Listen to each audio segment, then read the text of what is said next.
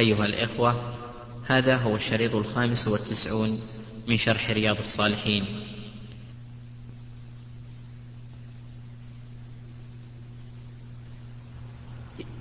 يستعف السارق عن السرقة والبغي عن الزنا والغني يعتبر فيتصدق ولا يبخل. ففي هذا الحديث دليل على أن الإنسان إذا نوى الخير وسعى فيه وأخطأه فإنه يكتب له. ولا يضر.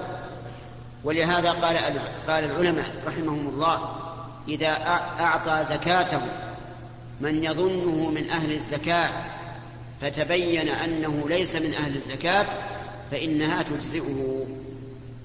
مثل أن رأيت رجلا رثا عليه ثياب رثة تحسبه فقيرا فأعطيته الزكاة فأصبح الناس يقولون فلان غني عنده أموال كثيرة. أتجزئك الزكاة؟ الجواب تجزئه الزكاة. تجزئه الزكاة. لأنه قيل لهذا الرجل أما صدقتك فقد قبلت. تجزئه الزكاة. وكذلك إذا أعطيتها غيره ممن ظننته مستحقا ولم يكن مستحقا فإنك فإنها تجزئك. والله موفق.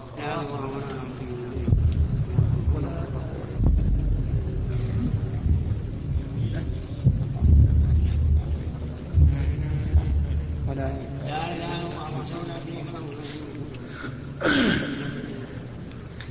الله الرحمن الرحيم. الحمد لله رب العالمين والصلاة والسلام على نبينا محمد وعلى آله وصحبه أجمعين. نقل المؤلف رحمه الله تعالى في كتابه رياض الصالحين. عن أبي هريرة رضي الله عنه قال كنا مع رسول الله صلى الله عليه وسلم في دعوة فرفع, إلي فرفع إليه الذراع وكانت تعجبه فنهس منها نهسة وقال أنا سيد الناس يوم القيامة هل تدرون مما ذاك يجمع الله الأولين والآخرين في صعيد واحد فيبصرهم الناظر ويسمعهم الداعي وتدنو منهم الشمس فيبلغ الناس من الغم والكرب ما لا يطيقون ولا يحتملون فيقول فيبلغ الناس من الغم والكرب ما فيبلغ الناس من الغم والكرب ما لا يطيقون ولا يحتملون. فيقول الناس ألا ترون ما أنتم فيه إلى ما بلغكم؟ ألا تنظرون من يشفع لكم إلى ربكم؟ فيقول بعض الناس لبعض أبوكم آدم فيأتونه فيقولون يا آدم. انت ابو البشر خلقك الله بيده ونفخ, في ونفخ فيك من روحه وأمر الملائكة فسجدوا لك وأسكنك الجنة. ألا تشفع لنا إلى ربك؟ ألا ترى إلى ما نحن فيه وما بلغنا؟ فقال إن فقال إن ربي غضب اليوم غضبا لم يغضب قبله مثله ولن يغضب بعده مثله. وإنه نهاني عن الشجرة فعصيت نفسي نفسي نفسي اذهبوا إلى غيري اذهبوا إلى نوح. فيأتون نوحا فيقولون يا نوح أنت أول الرسل إلى الأرض وقد سماك الله عبدا شكورا. ألا ترى إلى ما نحن فيه؟ ألا ترى إلى ما بلغنا؟ ألا تشفع لنا إلى ربك؟ فيقول إن ربي غضب اليوم غضبا لم يغضب قبله مثله ولن يغضب بعده مثله ولن يغضب بعده مثله. وإنه قد كانت لي دعوة دعوت بها على قومي نفسي نفسي نفسي اذهبوا إلى إبراهيم. فيقولون يا إبراهيم أنت نبي الله وخليله من أهل الأرض. اشفع لنا إلى ربك ألا ترى إلى ما نحن فيه؟ فيقول لهم إن ربي قد غضب اليوم غضبا لم يغضب قبله مثله ولن يغضب بعده مثله وإني كنت, وإني كنت كذبت ثلاث كذبات. نفسي نفسي نفسي اذهبوا إلى غيري.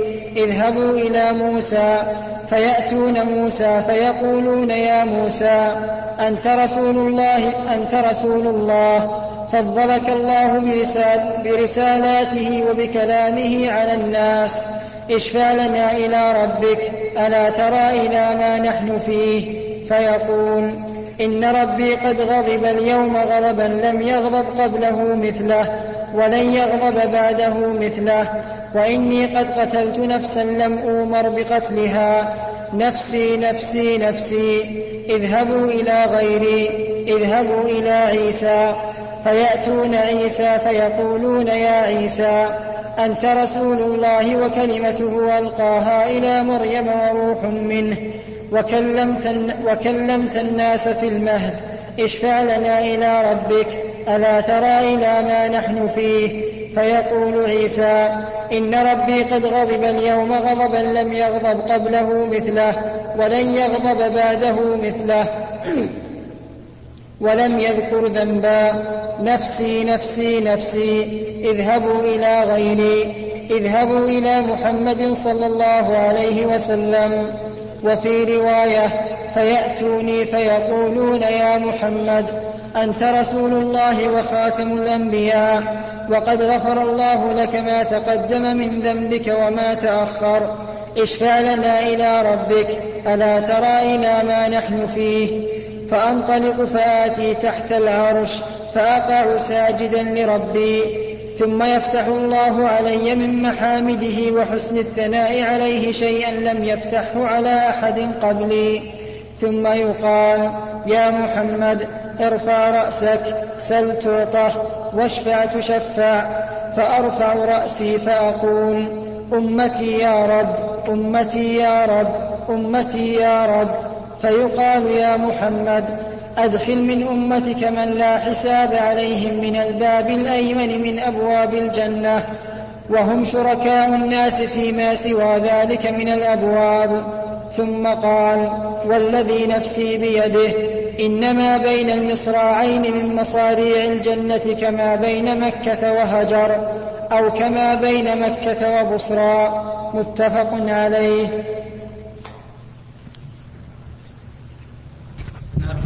هذا الحديث الطويل الذي ساقه المؤلف رحمه الله في آخر كتابه رياض الصالحين عن أبي هريرة رضي الله عنه أنهم كانوا مع النبي صلى الله عليه وسلم في دعوة. فقدمت إليه الذراع فنهس منها نهسة وكانت تعجبه. الذراع يعني ذراع الشاة. فكانت تعجب النبي صلى الله عليه وسلم لأن لحمها أطيب ما في الجسم من اللحم. لين وسيء الهضم ومفيد. فكان النبي صلى الله عليه وسلم يعجبه أن يأكل منه. نهس منها نهسة ثم حدثهم بهذا الحديث العجيب العظيم الطويل. فقال أنا سيد ولد آدم يوم القيامة. ولا شك أنه عليه الصلاة والسلام سيد ولد آدم. وأشرف, وأشرف بني الإنسان عند الله تبارك وتعالى. أتدرون من ذاك قالوا لا يا رسول الله. فساق لهم بيان شرفه صلى الله عليه وسلم وفضله على جميع بني آدم. ذكر أن الناس يحشرون يعني يجمعون يوم القيامة في صعيد واحد أولهم وآخرهم من أول واحد إلى آخر واحد. كما قال عز وجل قل إن الأولين والآخرين لمجموعون إلى ميقات يوم معلوم. يجمعون في صعيد واحد والأرض يومئذ ممدودة ليست كهيئتها اليوم فإنها اليوم مثل مثل الكرة كروية لا لا لا ترى إذا مددت بصرك لا ترى كل الأرض لا ترى إلا ما يواجهك من من ظهرها فقط. أما يوم القيامة فإن الأرض تمد مد الأديم مد الجلد وليس فيها جبال ولا أودية ولا أنهار ولا بحار تمد مدا واحدا والعالم فيها. يسمعهم الداعي وينفذهم البصر. يعني لو تكلم إنسان يسمعه آخر واحد والبصر ينفذهم كلهم يراهم لأنه ما فيه تكور حتى يغيب بعض عن بعض. حتى يغيب بعض عن بعض ولكن كلهم في صعيد واحد. في ذلك اليوم تدنو الشمس. من الخلائق على قدر ميل ويلحقهم من الغم والكرب ما لا يطيقون ولا يحتملون فتضيق بهم الأرض ويطلبون الشفاعة لعل احدا يشفع فيهم إلى الله جل وعلا ينقذهم من هذا الموقف العظيم على الأقل. يلهمهم الله عز وجل أن يأتوا إلى آدم أبي البشر. فيأتون إليه ويبينون فضله لعله يشفع لهم إلى الله عز وجل. يقول له أنت آدم أبو البشر. كل البشر من بني آدم. كل البشر هم بنو آدم الذكور والإناث إلى يوم القيامة. خلقك الله بيده. كما قال تعالى منكرا على إبليس ما منعك أن تسجد لما خلقت بيدي خلقه الله بيده وخلق بقية البشر بالكلمة كن فيكون. أما آدم فخلقه جل وعلا بيده يقول خلقك الله بيده وأسجد لك ملائكته قال الله تعالى وإذ قلنا للملائكة اسجدوا لآدم فسجد. وعلمك أسماء كل شيء. قال الله تعالى وعلم آدم الأسماء كلها. ونفخ فيك من روحه. قال الله تعالى فإذا نفخت فإذا سويته ونفخت فيه من روحي فقعوا له ساجدين. كل هذا يعلمه الخلق ولا سيما أمة محمد الذين أعطاهم الله تعالى من العلوم ما لم يعط أحدا من من الأمم. فيعتذر ويقول إن ربي غضب اليوم غضبا لم يغضب مثله ولن يغضب ولن يغضب مثله قط. ثم يذكر خطيئته. أن الله سبحانه وتعالى نهاه أن يأكل من الشجرة فأكل. قال الله تعالى ولا تقربا هذه الشجرة فتكونا من الظالمين. شجرة في الجنة لا ندري ما هذه الشجرة ولا نوعها ولا كبرها ولا صغرها شجرة أبهمها الله فعلينا أن نؤمن بها مبهمة. نهي أن يأكل منها. وبين له أنه إذا أكل منها هو وزوجه فإنهما يكونان من الظالمين. ولكن عدوهما الشيطان دلاهما بغرور ووسوس لهما وقاسمهما إني لكما لمن الناصحين. فغرهما ونسي آدم ما عهد به لله عز وجل. وعصى ربه وعصى آدم ربه فغوى. نسي وأكل من الشجرة. فعوقب بأن أخرج من الجنة إلى الأرض. أخرج من الجنة إلى الأرض لحكمة يريدها الله عز وجل. فيذكر معصيته ويقول نفسي نفسي نفسي. يعني عسى أن أنقذ نفسي. ويكرر ذلك ويؤكده ثلاث مرات. اذهبوا إلى غيري. اذهبوا إلى نوح.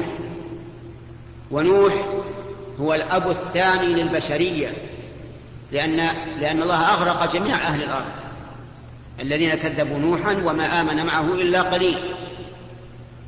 وكان ذرية نوح وكان نوح هو الأب هو الأب الثاني للبشر. اذهبوا إلى نوح يذهب يأتون إلى نوح. لأن الناس في شدة وضيق يطلبون من يشفع لهم إلى الله عز وجل. يذكرون نعم الله عليه وأنه أول رسول أرسله الله إلى أهل الأرض. وأن الله سماه عبدا شكورا. ولكنه يقول كما قال آدم في غضب الله عز وجل إن ربي غضب اليوم غضبا لم يغضب مثله قط ولن يغضب مثله. ثم يذكر دعوته التي دعا بها على قومه رب لا تذر على الأرض من الكافرين ديارا وفي رواية أنه يذكر دعوته الذي دعا ربه لابنه.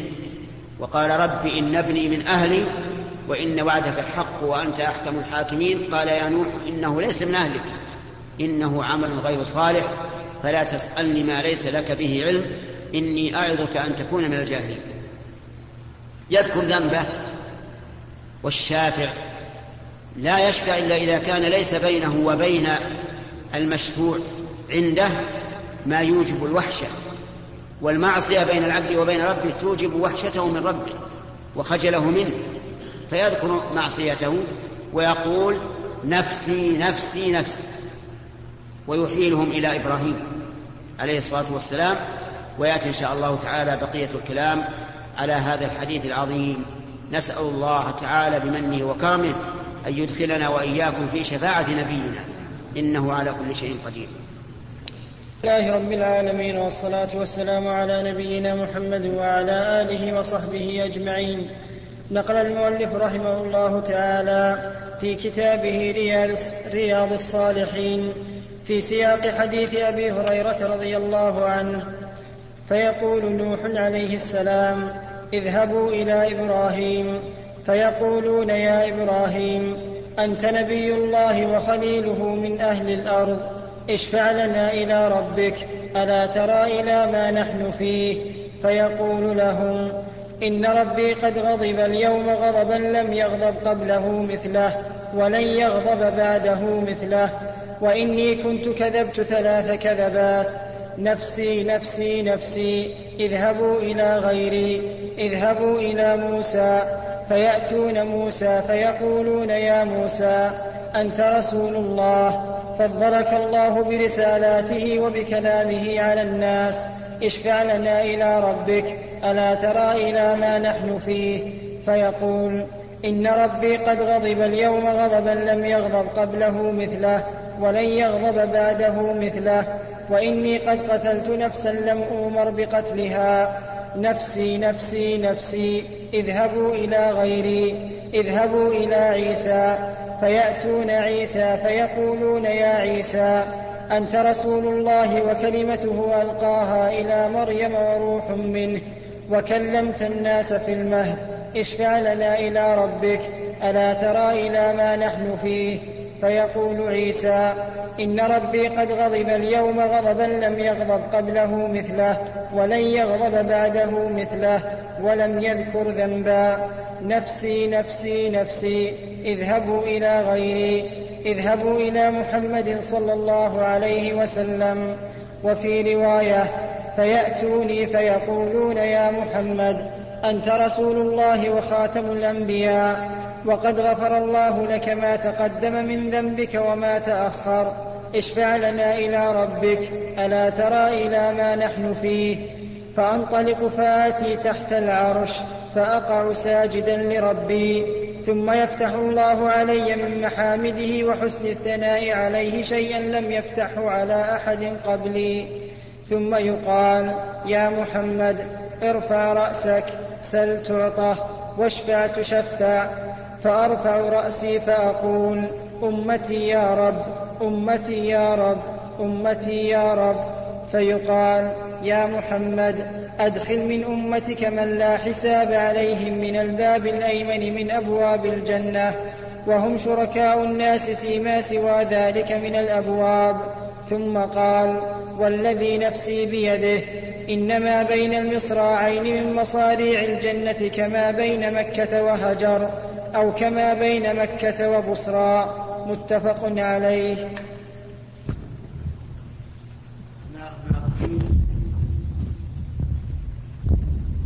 ذكر المؤلف رحمه الله حديث الشفاعة بطوله من حديث أبي هريرة رضي الله عنه وأنه صلى الله عليه وسلم سيد بني آدم يوم القيامة. وسبق أنهم أن الناس يلحقهم من الغم والكرب ما لا يطيقون. فيذهبون إلى آدم ليشفع لهم فيذكر ذنبه بأكل الشجرة ويقول نفسي نفسي نفسي. ويأتون إلى نوح ليشفع لهم فيذكر أنه دعا على قومه قبل أن يؤذن له. ويعتذر ويقول نفسي نفسي نفسي. ويحيلهم إلى إبراهيم عليه الصلاة والسلام. فيأتي الناس إلى إبراهيم ويقولون أنت خليل الله تعالى في الأرض ويذكرون من صفاته اشفع لنا إلى ربك فيعتذر ويقول إنه كذب ثلاث كذبات. ويقول نفسي نفسي نفسي. والكذبات هي قوله إني سقيم وهو ليس بسقيم لكنه قاله تحديا لقومه الذين يعبدون الكواكب. والثانية قوله للرجل الكافر الملك هذه أختي يعني زوجته ليسلم من شره وهي ليست أخته. والثالث قوله بل فعله كبيرهم هذا. بل فعله كبيرهم هذا عن الأصنام. لأن إبراهيم عليه الصلاة والسلام ذهب إلى أصنامهم وكسرها. فلما رجعوا وجدوا الأصنام مكسرة. قالوا من فعل هذا بآلهتنا؟ فقالوا فعله فتى يقال له إبراهيم. وجرت بينهم وبين إبراهيم ما جرى وقال بل فعله كبيرهم هذا فاسألوهم إن كانوا ينطقون. وهو لم يفعل كبيرهم. الذي فعله إبراهيم عليه الصلاة والسلام. لكنه ذكر ذلك على سبيل التحدي لهؤلاء الذين يعبدون الأوثان.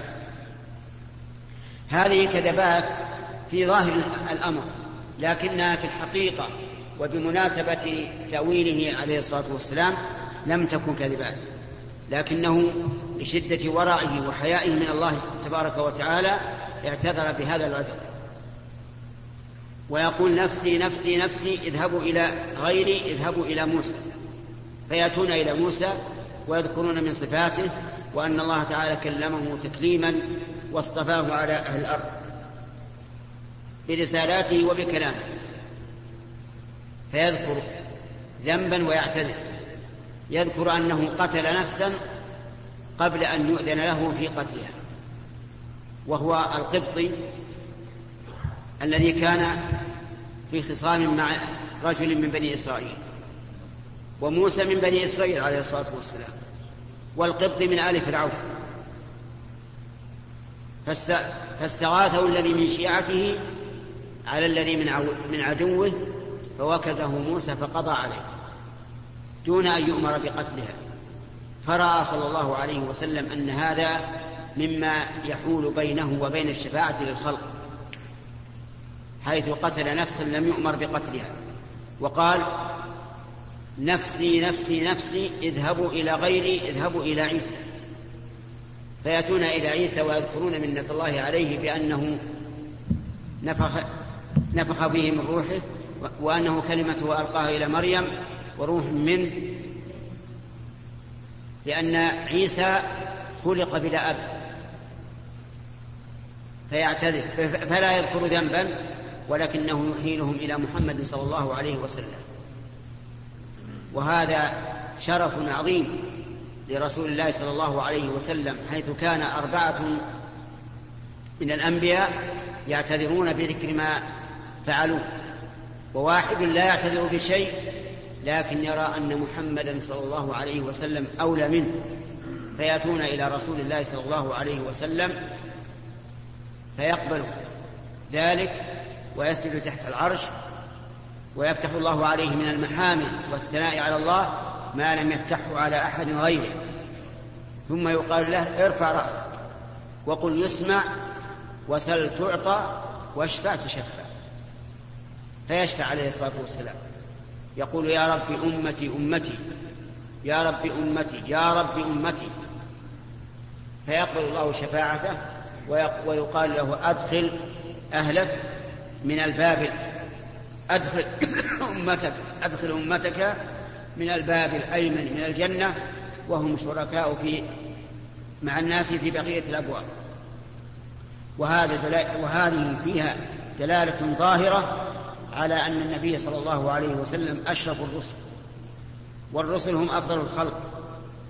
كما قال عز وجل ومن يطع الله والرسول فأولئك مع الذين أنعم الله عليهم من النبيين والصديقين والشهداء والصالحين. هؤلاء هم الأصناف الأربعة الذين هم أفضل الخلق. النبيون والصديقون والشهداء والصالحون والنبي صلى الله عليه وسلم أفضلهم. والله والله الموفق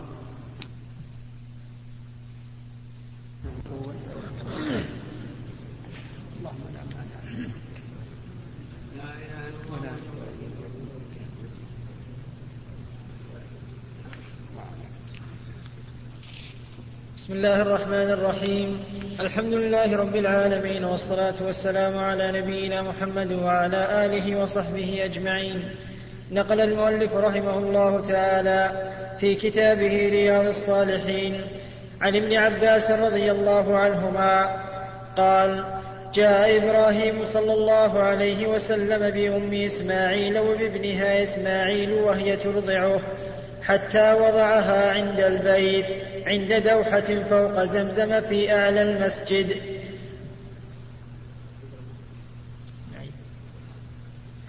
عن ابن عباس رضي الله عنهما قال جاء إبراهيم صلى الله عليه وسلم بأم إسماعيل وبابنها إسماعيل وهي ترضعه حتى وضعها عند البيت عند دوحة فوق زمزم في أعلى المسجد. وليس بمكة يومئذ أحد وليس بها ماء فوضعهما هناك ووضع عندهما جرابا فيه تمر وسقاء فيه ماء ثم قفى إبراهيم منطلقا فتبعته أم إسماعيل فقالت يا إبراهيم أين تذهب وتتركنا بهذا الوادي الذي ليس فيه أنيس ولا شيء؟ فقالت له ذلك مرارا وجعل لا يلتفت إليها قالت له آه الله أمرك بهذا؟ قال نعم. قالت إذا لا يضيعنا. ثم رجعت فانطلق إبراهيم صلى الله عليه وسلم حتى إذا كان عند الثنية حيث لا يرونه استقبل بوجهه البيت ثم دعا بهؤلاء الدعوات فرفع يديه فقال رب إني أسكنت من ذريتي بواد غير ذي زرع حتى بلغ يشكرون. وجعلت أم إسماعيل ترضع إسماعيل وتشرب من ذلك الماء حتى إذا نفد ما في السقاء عطشت وعطش ابنها. وجعلت تنظر إليه يتلوى أو قال يتلبط. فانطلقت كراهية أن تنظر إليه. فوجدت الصفا أقرب جبل في الأرض إليه فوجدت الصفا أقرب جبل في الأرض يليها فقامت عليه ثم استقبلت الوادي تنظر هل ترى أحدا؟ فلم ترى أحدا. فهبطت من الصفا حتى إذا بلغت الوادي رفعت, طر رفعت طرف درعها ثم سعت سعي الإنسان المجهود حتى جاوزت الوادي ثم أتت المروة فقامت عليها. فنظرت هل ترى أحدا؟ فلم ترى أحدا. فلم تر أحدا. ففعلت ذلك سبع مرات. قال ابن عباس رضي الله عنهما. قال النبي صلى الله عليه وسلم فلذلك سعى الناس بينهما. فلما أشرفت على المروة سمعت صوتا فقالت صه تريد نفسها. ثم تسمعت فسمعت أيضا فقالت قد أسمعت إن كان عندك قد أسمعت إن كان عندك غواث فأغف فإذا هي بالملك عند موضع زمزم فبحث بعقبه أو قال بجناحه حتى ظهر الماء فجعلت تحوضه وتقول بيدها هكذا. وجعلت تغرف الماء في سقائها وهي وهو يفور بعدما تغرف. وفي رواية بقدر ما تغرف. قال ابن عباس رضي الله عنهما قال النبي صلى الله عليه وسلم رحم الله أم إسماعيل لو تركت زمزم أو قال لو لم تغرف من الماء لكانت زمزم عينا معينا. قال فشربت وأرضعت ولدها. فقال لها الملك لا تخاف الضيعة فإنها هنا بيتا لله يبنيه هذا الغلام وأبوه. وإن الله لا يضيع أهله وكان البيت مرتفعا من الأرض كالرابية. تأتيه السيول فتأخذ عن يمينه وعن شماله. فكانت كذلك, فكانت كذلك حتى مرت بهم رفقة من جرهم أو أهل, أو أهل بيت من جرهم. مقبلين من طريق كدا فنزلوا في أسفل مكة فرأوا طائرا عائفا فقالوا إن هذا الطائر ليدور على ماء لعهدنا بهذا الوادي وما فيه ماء فأرسلوا, فأرسلوا جريا أو جريين فإذا هم بالماء. فرجعوا فأخبروهم فأقبلوا وأم إسماعيل عند الماء.